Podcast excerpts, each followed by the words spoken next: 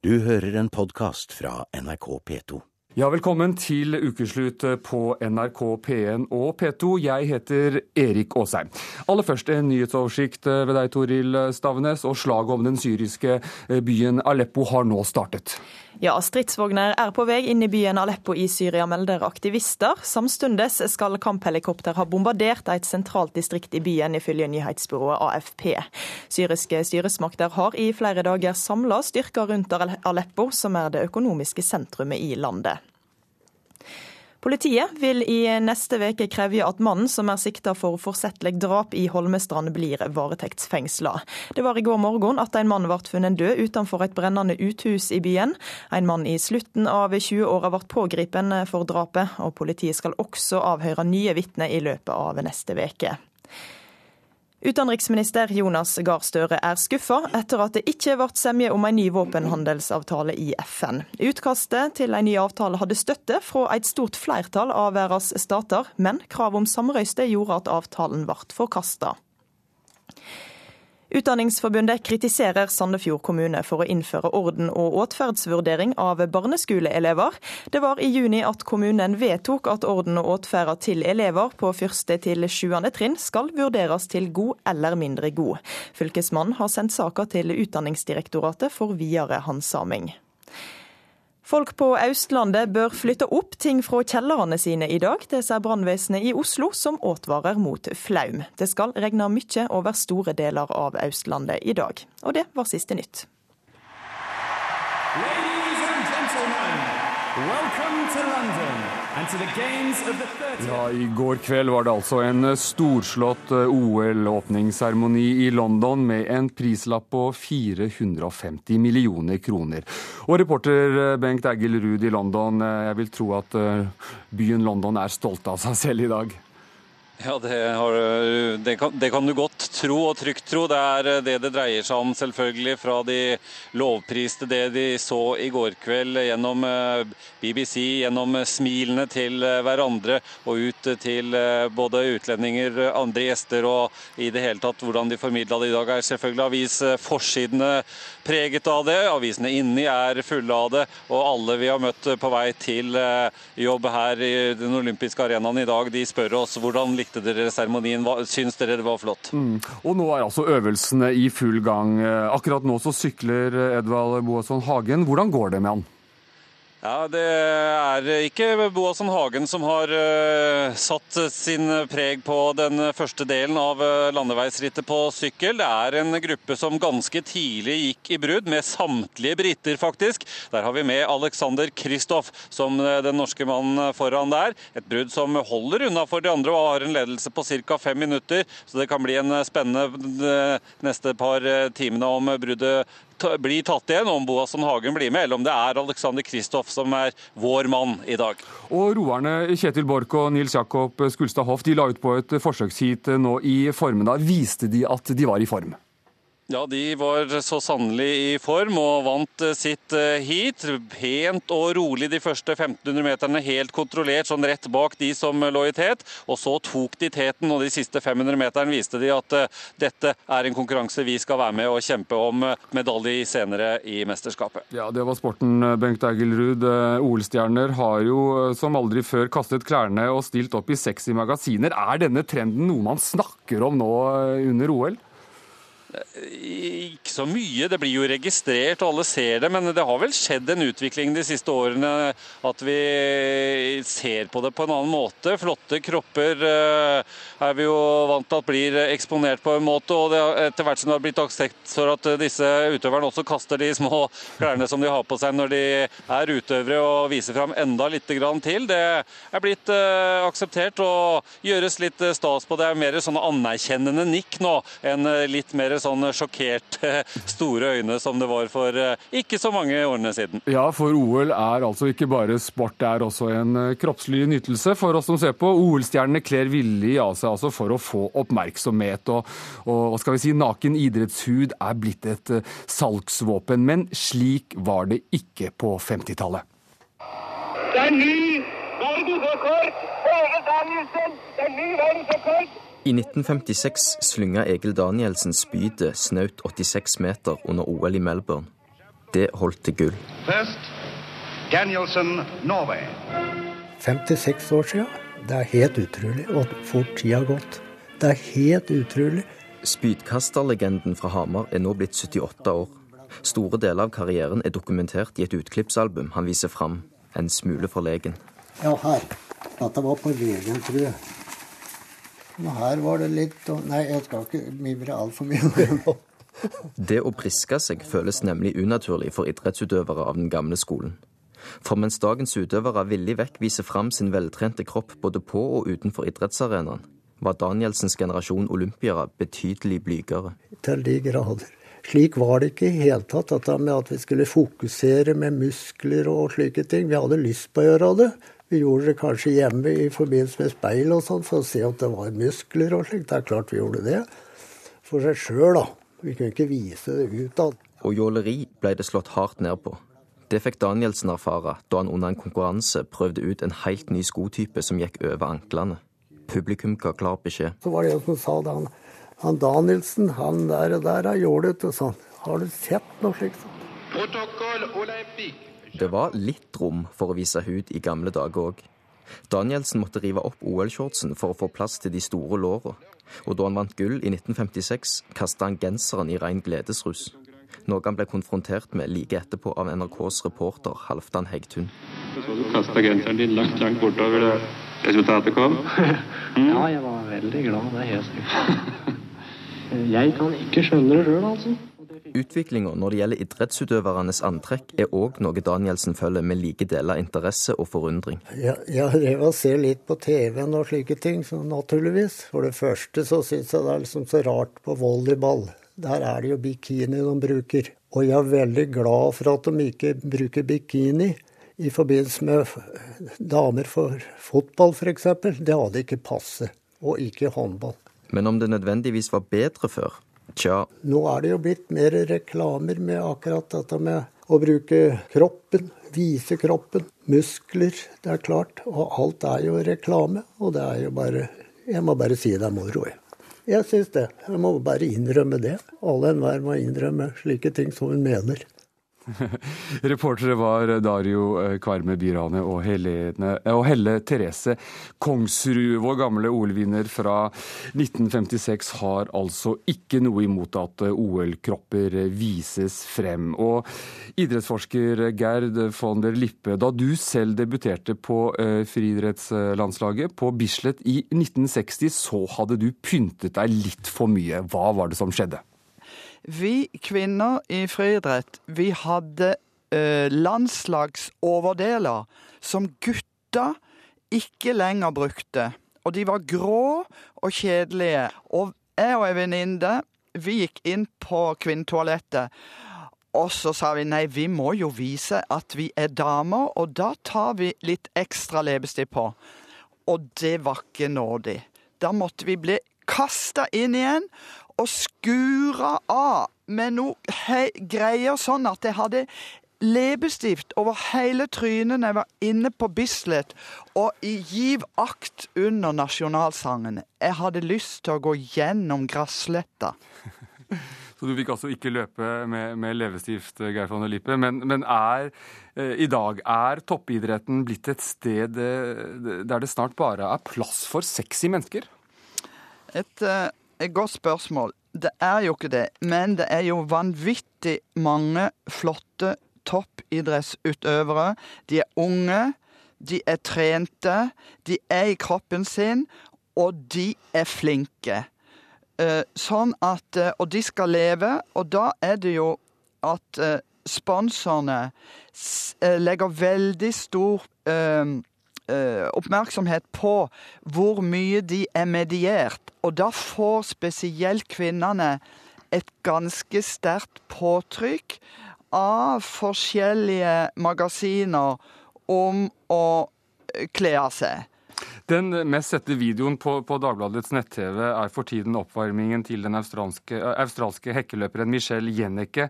Hun danser, hopper og vrikker så mye at kameraene er som lim til henne. Sier ikke det, Gerd von der Lippe, litt om at utøverne selv legger opp til å være sexobjekter? Ja, selvfølgelig. Eh, Og, men du, utøvere er jo forskjellige. For eksempel Kristina Vukusevic, som dessverre ikke er med. Hun har fått masse forespørsler, men det gidder ikke hun. Og så har du på den andre sida en ung, flott eh, langrennsløper som la seg ut på lek i 2004. Og kameravinklingen var der hvor jordmødrene er når de skal ha Ja, altså, du så rett inn i det aller helligste. Og hun trodde at det var bare folk som leste lek som ville se det, for hennes familie de var av en annen kaliber.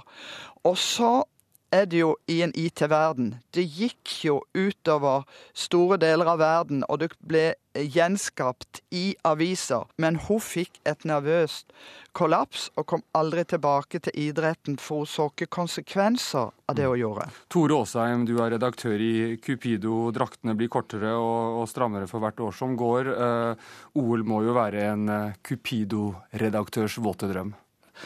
Eh, nå er det ikke sånn at eh, det er nødvendigvis bare å kle av seg gjør deg sexy. Det, som, det kan være like spennende at det er noe igjen, så det som pirrer fantasien. Men man må ikke være interessert i sport for å se på OL? Nei, OL er jo sport og underholdning.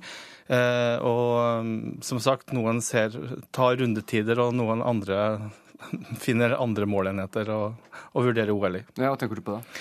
Nei, det er jo enkelte idretter der folk har veldig lite klær på seg. Og som, hvis man er interessert i å se idrett med lite klær, så er jo OL, i hvert fall sommer-OL, da, eh, en eh, veldig bra tidtrøyte. Men det at utøvere stiller opp både naken eller bare iført noen minimale tøylapper i, i magasiner, på hvilken måte kan det være bra for imaget deres?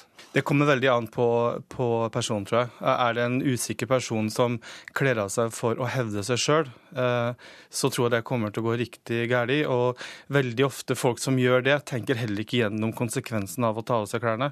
Enten vi vil eller ikke, så er jo nakenhet veldig, veldig naturlig. Og det er jo vår egen kultur og vår egen tankemåte som har gjort det til noe mer enn en, en naturlig greie. Men dette kan også være en erotisk kapital for idrettsutøverne?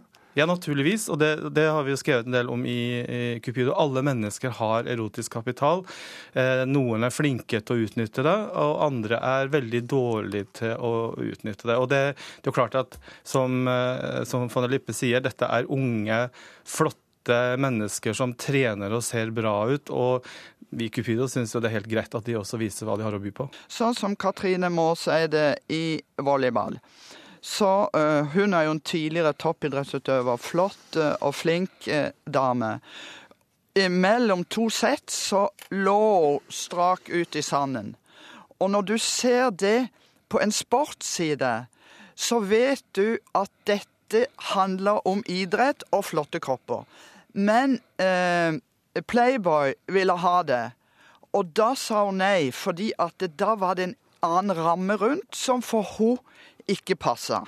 Geir von der Lippe, når man står inne på stadion lettkledd, tenker utøverne på at folk også ser på den som et sexobjekt? Du, de blir så vant til det, for jeg har intervjua noen eh, toppidrettskvinner. Og første gang, eller til å begynne med når de gjør det, så er dette uvant og er litt sjenert. For jeg husker sjøl, det er jo 1800 nesten år siden. Da var, var jeg litt flau helt til å begynne med. Men ikke sant? Det var jo ikke snakk om, vi stilte jo i, i Men vi stilte i kort eh, drakt, og de kunne se hele figuren. Men så blir du så vant til det, for idretten blir en del av deg. At du eh, ikke tenker på det. Og hun Katrine Maaseide er intervjua hun om disse kleskoden i eh, beachvolleyball. Og hun sa at det er jo umulig i OL å tenke på kleskoden. Da er det resultatet som teller.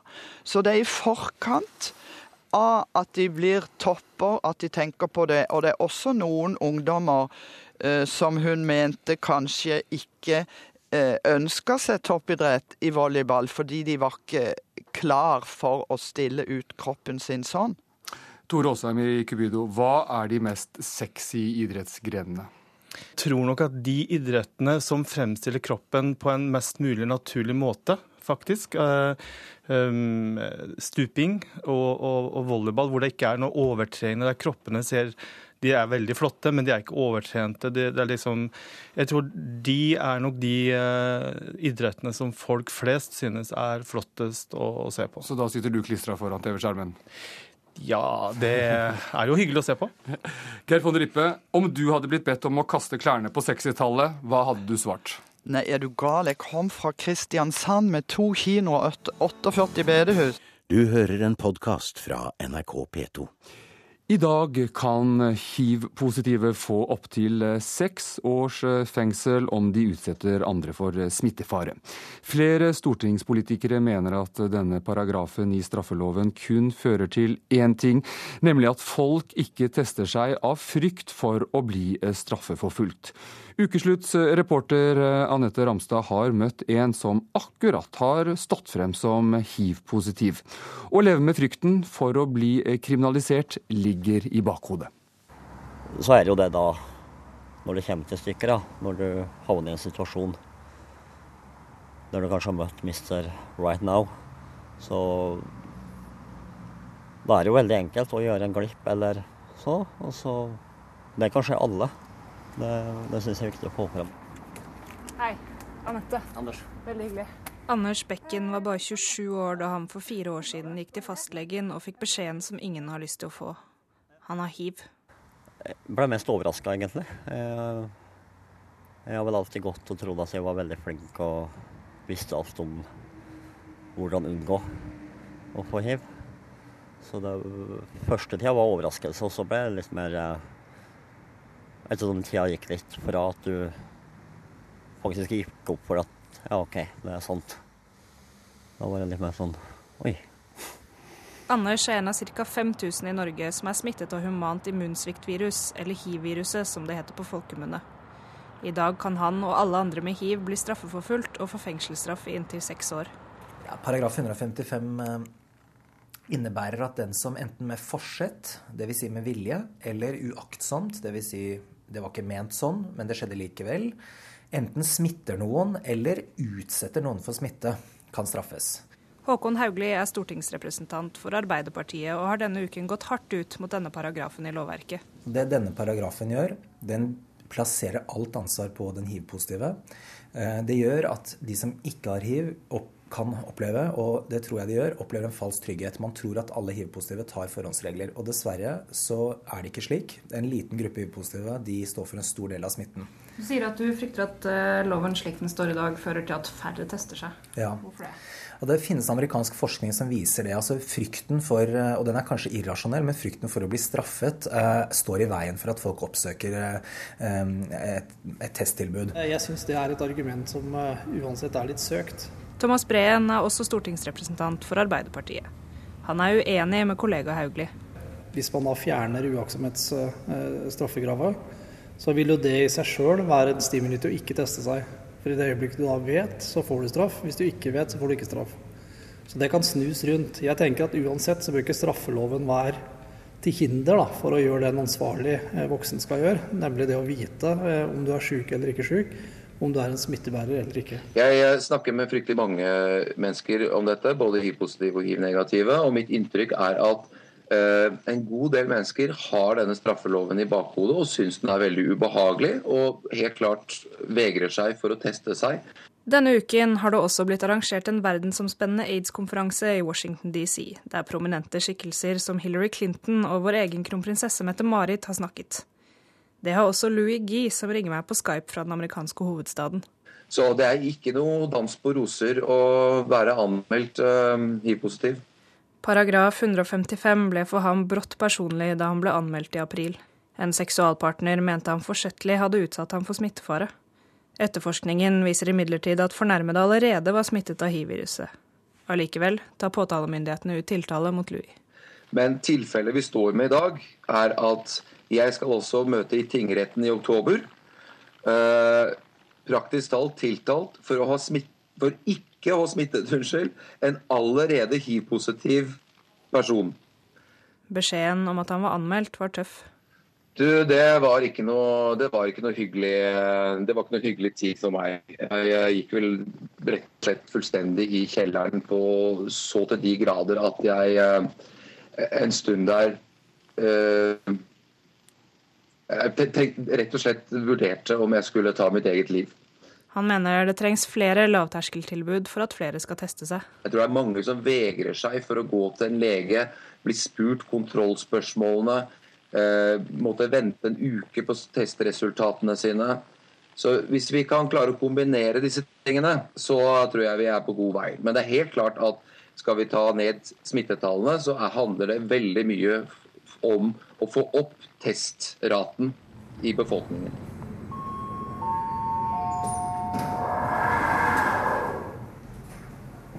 Denne heisen fører til et slikt tilbud. Olafia-klinikken er underlagt Oslo universitetssykehus og tilbyr drop-in-timer for de som ønsker å teste seg for seksuelt overførbare sykdommer, også for hiv. Vi ser jo på tallene våre at vi er et viktig tilbud.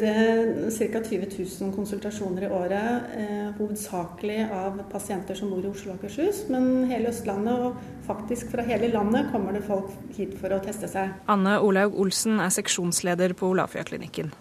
Hun tror det er lettere for mange å komme til dem enn å gå til fastlegen.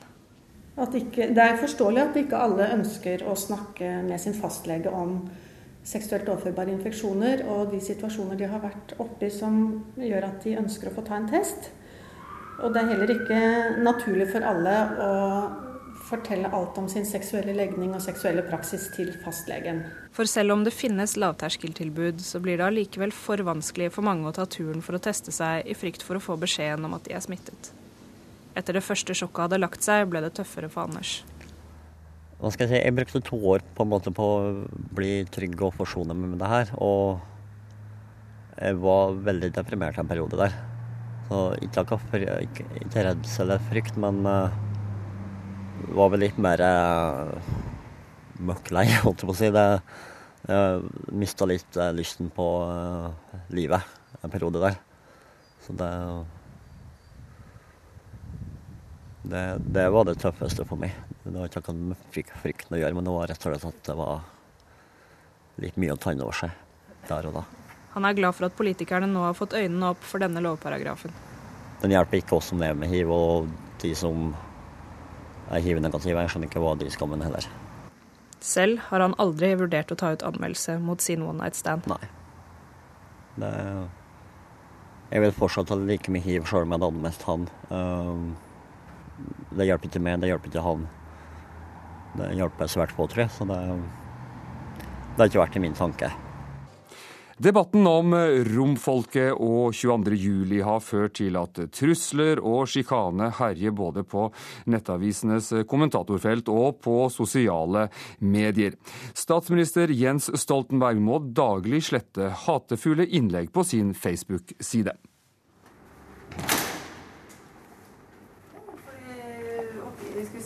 Vi er i femte etasje på Folketeaterbygningen på Youngstorget. Det er her de holder til. Gutta som sørger for at de groveste innleggene på Arbeiderpartiets Facebook-side ikke blir liggende der som truende skygger. Det går jo på liksom, landssvikeri og noen av de som går på 22.07. og at eh, det er fortjent. Bjørn Tore Hansen er ansvarlig for den daglige modereringen av Ap-siden. Mens Sindre Fossum Beyer, som er politisk rådgiver for Jens Stoltenberg, gjerne tilkalles i tvilstilfellene. Her er det noen av Men den har dere altså fjerna. Det syns jeg var interessant. Her står det 'Norge skal være et fritt land'. Det er jo bare en spøk. Landet er jo det nye Adolf Hitler-landet. Det er et sånn grenseland. Det er jo klart, altså, Når du sammenligner eh, Norge med Nazi-Tyskland, så er det noe som ikke hører hjemme i, i en god og ordentlig debatt. Men har dere eksempler på noen som dere har ansett som såpass skumle at dere har anmeldt det til politiet, eller? Det er jo rene drapstrusler og, og, den type ting. PST rapporterte også om at det har blitt flere og grovere nettrusler mot politikerne etter 22.07. Blir ikke moderatorgjengen noen ganger så lei hat og elendighet at de bare får lyst til å legge ned hele Facebook-sida? Nei, fordi vi er jo opptatt av å være der folk er. Det vi ser òg, er at uh, etter at vi ble flinkere til å fjerne de hatske kommentarene, så kommer flere av de normale folka inn og deltar i debattene. For de orker ikke å kaste seg inn i et uh, ormebol bare for å forsvare det de mener er rett. da. Men det er noen som holder seg til den gamle metoden når det gjelder å ytre seg. Inntil nylig så skrev 75-åringen Tore Hetland sine lesebrev til Fevennen på skrivemaskin. I 30 år så har han vært fast leverandør av sterke meninger. Her tror jeg det første var, ja. Sørlandet 11 august 78. Forstemmende Halvorsen. Altså det var Tor Halvorsen. Eller hva mener LO? Tore Hetland har spart alle innleggene han har hatt på trykk i Fedrelandsvennen i en smekkfull sort ringperm. Her er det mye rart. Hetland er utdannet jurist og jobbet i mange år i Norsk arbeidsgiverforening. Han fikk noen ganger småbekymra blikk fra toppledelsen da han gikk ut og mente såpass mye den gangen. Dermed var det også en positiv side ved hjerteinfarktet som tvang ham til tidlig pensjon i 1997. Følte jeg sto friere til å kunne ta opp ting jeg er mer opptatt av enn akkurat det som hadde med jobben å gjøre. Så da, da slo vi løs. Jeg syns vel egentlig dette med debatt er en slags sånn plikt man har for å vedlikeholde demokratiet vårt. Nå for tida handler det om romfolket. Det er en sak som jeg syns er forferdelig vond. Og vi vet at her i landet er det rasisme og fremmedfiendtlighet. Og så lefler altså våre politikere med den slags holdninger istedenfor å ta en skikkelig realt standpunkt. Det syns jeg er forstemmende. Noen enkeltpolitikere har også fått smake Hetlands ordpisk. Som Vidar Kleppe. Jeg kalte han en politisk klasebombe her i et innlegg. Så jeg liker jeg må innrømme det, jeg liker spissformuleringer. Skal vi se passord. Hva gjør jeg så, tro? Trykker jeg et sted nå, eller? Og da trykker du på den Der? Nei, den med pila på deg. Den? Ja. Den over. Den, den, den, den ja. Ok, ja, trykk på den, du. Før skrev Hetland alle spissformuleringene sine på skrivemaskin. Men nylig ba Fedrelandsvennen innstendig om å få dem elektronisk. Jeg aner ikke. Nå skriver han på kona Kirsten sin PC. Den bruker jeg som skrivemaskin, men jeg er totalt avhengig av henne for å få sendt det til avisen. For Hetland skal et godt innlegg være saklig. Noe han mener står kraftig i motsetning til tonen på bl.a. politikernes Facebook-sider, som vi har sett i avisene denne uka. Han mener internett må ta sin del av skylda. Det er internett er en lettvint måte. Klart det er uforpliktende lettvint å slamre ned et eller annet. Og da blir heller ikke språket godt nok for en ekte språkelsker. Godt språk krever arbeid, og tiden Hetland bruker for å få språket på plass, gir også en annen fordel, mener han. Det blir mye kladding og finpussing nettopp fordi jeg er så streng på å få språket så godt som mulig. Og derved så får jeg jo tenkt meg om, da. Hvilke råd vil du gi til debattanter som, som mister hodet? Ta det rolig, og sov på det før du trykker på knappen i morgen. Ja, det var altså rådet som eh, ble gitt til eh, reporter eh, Hanne Marie Knutsen, og til alle oss andre. Det er altså debatten om romfolket som har fått fram det verste i nordmenns meningsutveksling. Debatten om bosted og tigging har rast over store deler av landet den siste tiden, bl.a. i Tromsø, og der er du reporter Kristian Hogstad Nordlund. Hva har vært stridstema i, i Tromsø? De største stridstemaene har kanskje skilt seg litt ut. For debatten i Tromsø har vært på mange måter skilt seg ut fra resten av landet. Politimesteren han har gått ut og sagt at det ikke er noe som helst grunnlag for å si at romfolket som tigger drar med seg kriminalitet. En representant fra NHO sier at folk og næringsliv har et eget ansvar for å stille opp om de har egnet arbeid der man kan engasjere romfolket. I tillegg så har jo redaktøren for gatemagasinet Virkelig, Eirik Junge Eliassen, gått åpent ut og sagt og er helt klar på at han ikke frykter konkurransen fra selgere for bladet Folk er folk, f.eks. Men derimot at han ønsker dem velkommen, og at han håper at Tromsø-folk kjøper også det her bladet. For det her er personer i virkelig nød. Men hvor og hvordan bor romfolket i Tromsø? Jeg står nå i Tromsø sentrum, og det er nok noen som bor litt delt rundt sentrum, men det har også blitt etablert det kommunen kaller en, en romleir ved et bruhode ikke langt fra flyplassen. Der har også kommuneoverlegen vært og sett til at det si, egner, egner seg for å bo der over korte perioder, og det, det gjør det. Så den, den blir ikke rørt. I Trondheim så slo romfolket leir utenfor Nidarosdomen denne uka, og siden så har de flyttet fra kirke til kirke. Akkurat nå så er de ved Vår Frue kirke i Trondheim sentrum, og, og der befinner du deg, reporter eh, Mari Langva. Det har vært mye dramatikk rundt romfolket de siste dagene. Hva er det som har skjedd? Jo, eh, Det starta med at de ble eh, kasta ut fra et friluftsområde i Malvik, nabokommunen her. Eh, da flytta de til Nidarosdomen og slo leir der som en liten protest, tror jeg. Nå er det Olavsfestdager her i Trondheim, så der kunne de ikke være. Den åpna nå i dag. Så da flytta de til Vår Frue kirke og slo opp teltene sine der. Så kom Kirkelig fellesråd med en løsning og sa at de kunne flytte til Tiller kirke, litt utenfor byen. Så der eh, slår de opp teltene sine, og alt var egentlig velstand. Eh, men eh, det tok, varte ikke så veldig lenge. For de skal ha hørt skudd natt til fredag mm. og blitt skremt av de her skuddene. Og da flykta de tilbake til Vår Frue kirke. Og hvor lenge får de bli boende der? Det er veldig usikkert akkurat nå. Eh, det er ikke noe varig løsning på plass, og de kan egentlig ikke sette opp teltene sine her igjen, for det har ikke de lov til. Så eh, nå møtte jeg nettopp en politiker fra partiet Rødt som eh, jobber med å finne en løsning, og utover det så er alt litt oppe i lufta. Men romfolkets situasjon i Norge har altså også fått stor oppmerksomhet i, i uh, Rumenia. På, på, riksdekkende TV så har et medlem av romfolket fortalt om tiggermulighetene i Oslo. Det er masse penger her, sier tiggeren. În apropierea capitalei norvegiene Oslo trăiesc mai multe grupuri de romi. 115 euro one month. Uh, here it's uh, money much, much money.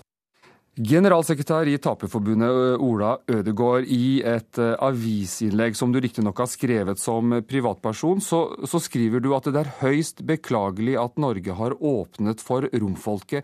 Hva har fått deg til å mene det? Jo, ganske enkelt det forholdet at romfolket som kommer hit til Norge og slår seg ned ulovlig hvor de måtte ønske det, de er ikke fattige etter mine begreper.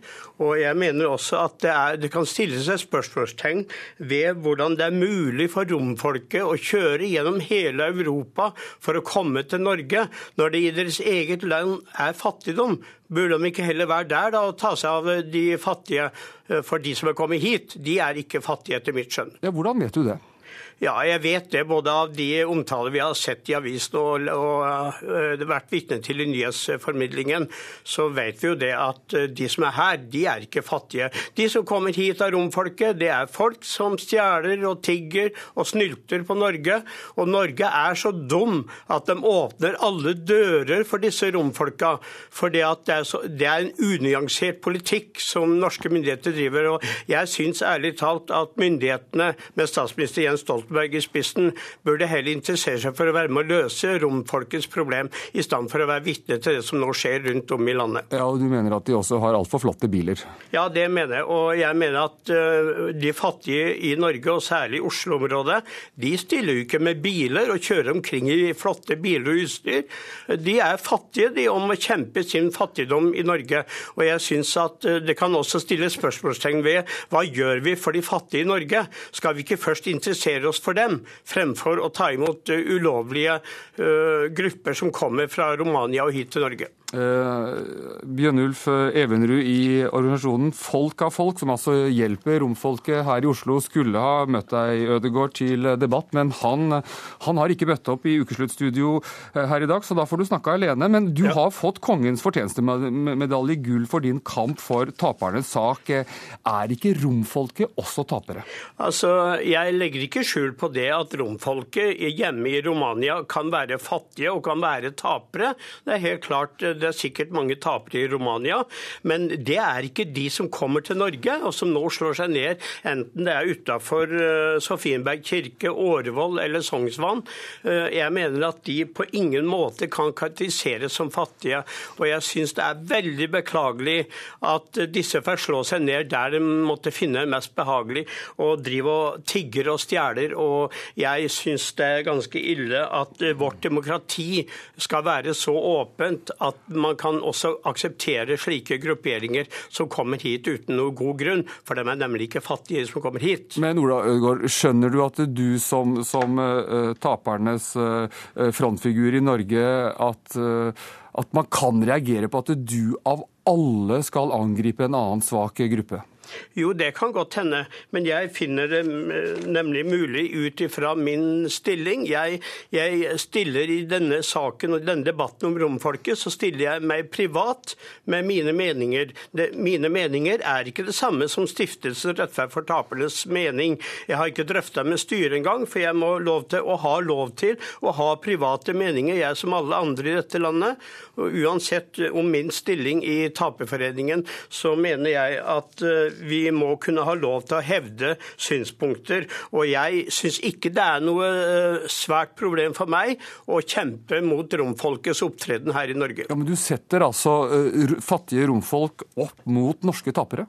Nei, det gjør jeg egentlig ikke. Uh, vi har også tapere som har store problemer, og som vi må snakke til rette når den situasjonen oppstår. Det, må, det hender det også at jeg snakker til rette de som vi hjelper også. Men, men jeg mener det at de, disse Hadde de kommet de fattige fra Romania og hit, så skulle, vi, skulle jeg opptrådt på en litt annen måte. Det ville jeg nok gjort da. For da har det vært fattige folk. Men, men å kjøre gjennom hele Europa for å komme hit, og så kommer de fra et land som er fattig, men de som kommer hit, er altså ikke det. Og jeg syns det er udemokratisk at man skal kunne opptre på den måten. EØS-saken gjorde jo at alle kunne komme til Norge når de måtte ville og ønske. Men, men det er klart det at vi, vi, kan ikke akseptere at disse grupperingene her, med så flotte biler og utstyr og ressurser som de har, eh, skal slå seg ned hvor de måtte ønske det i dette landet. Men tapere og fattige i Norge, Ola Ødegaard, de får det vel ikke verre selv om det er noen romfolk som kommer hit? Ja, Det ser jeg ikke bort fra. Det sitter mange romfolk omkring på Karl Johan og gatene rundt Oslo sentrum. Og jeg syns det er utilbørlig at man også skal uh, ta mulighetene fra disse som sitter på gatene i Oslo. Uh, og jeg er redd at dette kan skade de fattige i Norge. At man på denne måten uh, opererer overfor romfolket. Og jeg syns ærlig talt at romfolket skulle selvfølgelig ha blitt tatt av politiet og skyssa bort der de kom fra. Det er mitt ærlige syn. Det var det altså du, generalsekretær i Taperforbundet, Ola Ødegård, som sa på bordet til norske myndigheter så ligger det nå et brev fra norske romfolk. De ber der staten om en offentlig beklagelse for et mørkt kapittel i vår historie. 68 norske romfolk ble i 1934 avvist av den norske stat da de forsøkte å ta seg ut av Tyskland og hjem til Norge, selv med norske pass i lomma. Det fikk fatale konsekvenser. Et følge på 68 menn, kvinner og barn reiser gjennom Tyskland til Padborg ved grensen mot Danmark. Det er januar 1934. Hitler har kommet til makta. Europa skal bli rent. Familiene Josef, Karoli og Modest vil hjem igjen til Norge.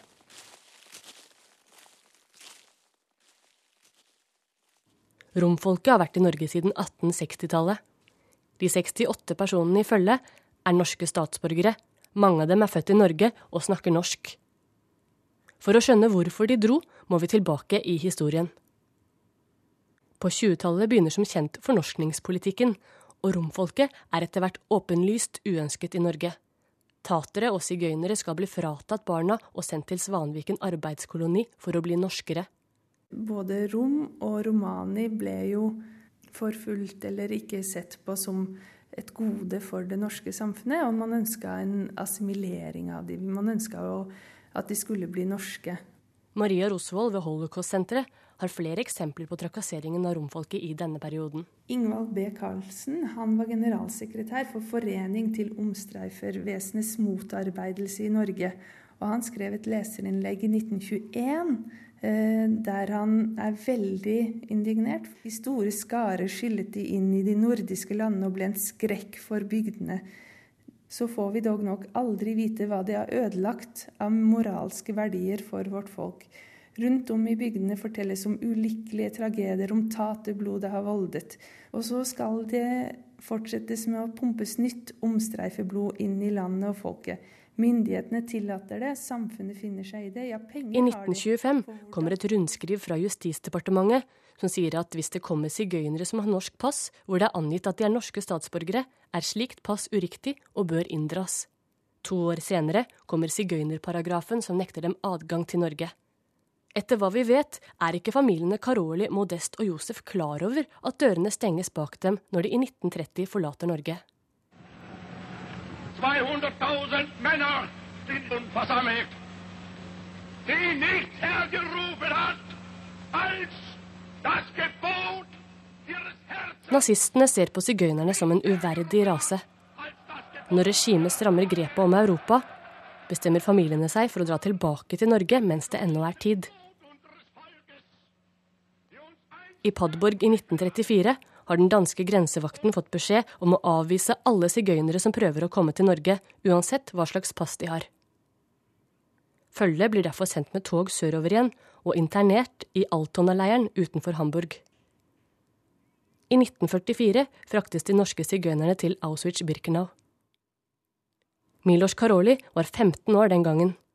Her forteller han i en dansk dokumentar fra 1993 om hvordan det opplevdes. Det var, vi var verdiløse. Det er vanskelig å si. Det kan man ikke fortelle det der hva vi var. Det er ingen mennesker som kan tro det. Så dårlig det var. Det kan man ikke tenke seg engang.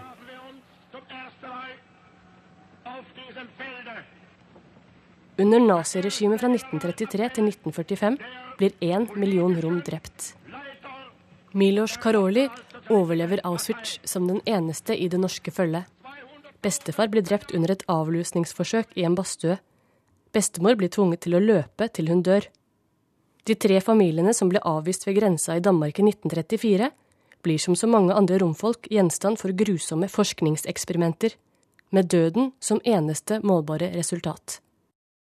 Reporter var Ina Strøm. Og regjeringen bekrefter overfor Ukeslutt i formiddag at eh, kravet fra eh, det norske romfolket om å få en beklagelse fra den norske stat er under behandling. Og nå her på NRK P1 og P2 til ferieturer som ikke går helt etter planen. Anne Stine Eger Mollestad, du er skadedirektør i DNB. Og det er ikke bare mobiler og kameraer som blir stjålet under ferieturer. Det er også mer pikante ting. Ja, f.eks. så var det han som var i Brasil og skulle spille inn en pornofilm. Og så ble det han kalte leketøyposen stjålet, og den eh, meldte han stjålet til oss. Fikk han dekket disse forsvunne sexleketøyene da? Ja, det gjorde han. Det er reisegods, og reisegods er omfattet av forsikringer så lenge det er lovlig reisegods, og det er jo sexleketøy. Og så kan dere gjøre fradrag når det gjelder eh, slitasje? Det stiller jo spørsmål der hvor gammelt det er, og eh, hvis det er, har vært utsatt for betydelig slit og elde, så kan man gjøre fradrag i erstatningen. Og kjønnssykdommer er som andre sykdommer når det gjelder reiseforsikring. Det er det, og eh, der har vi også noen pikante historier. Altså, det er jo igjen det å bli akutt syk av dette. Vi hadde krav fra en kvinne som var godt over 80, som hadde pådratt seg gonoré på en sydentur. Og eh, trengte bistand. Det får hun selvfølgelig. Og eh, vi har jo også opplevd noen som har vært ute og skulle ha seg en hyggestund på tur til Thailand. Og når ikke ting fungerer som det skal, så går det jo an å ta en Viagra. Eh, det var kanskje en annen type sammensetning, eller kanskje første gang, men i alle fall så fungerte denne over evne godt, og eh, ereksjonen ga seg ikke.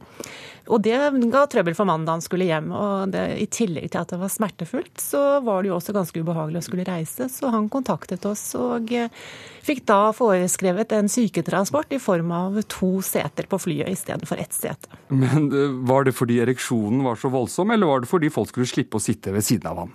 Eh, ja, jeg gikk ikke inn i detaljene for å spørre om det. Jeg lot uh, altså redningssentralen vår avgjøre det. Men uh, jeg vil vel tro kombinasjonen av pinlighet og smerte var såpass at han godt kunne sitte alene. Det kan jo kanskje virke frastøtende for noen som sitter ved siden av, som misforstår situasjonen. Ja, vi opplever jo det i bransjen at det er eh, mange måter å forsøke å lure oss på. Men vi opplever også nå at eh, folk reiser til utlandet for å ta fettsugingsoperasjoner, brystforstørrelsesoperasjoner, eller kanskje brystforminsking, for nå er det jo inn igjen med litt mindre bryst. Og eh, det er kostbare operasjoner, og så fordekker man det som en blindtarmoperasjon eller annet. Det ser vi, og det er eh, ganske raskt å avdekke, for vi har jo kontakter over hele verden. Og eh, finner fort ut at det sykehuset ikke nødvendigvis driver med blindtarmoperasjoner, men er en skjønnhetsklinikk f.eks. Og så er det jo også et marked for å kjøpe falske legekvitteringer. Ja, det kan du faktisk få kjøpt i utlandet. Er, eh, jeg så et bilde fra en, et marked i utlandet hvor legeregninger og sykehusregninger var til salgs. Så det er nok mange som tenker at her kan de finansiere feriebudsjettet. Hvilke saker glemmer du aldri? Ja, det er, eh, det er, mange morsomme saker. Eh, jeg syns jo, altså, selv om det kanskje er en liten sak, men vi opplevde altså en familiefar som ringte krisetelefonen, nødtelefonen, en ettermiddag på ferie fordi termosen var knust. Det syns jeg var en fantastisk historie.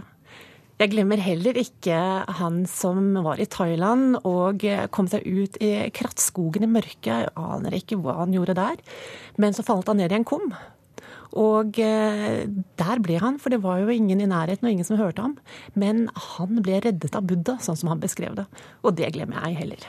Så det er, det er, mange morsomme historier. Det er vanskelig å kunne trekke frem alle her. Men jeg må jo si at forsikring bidrar tidvis til sinnets munterhet. og så er det noen som drar på sjekketurer som ikke er fornøyd med resultatet.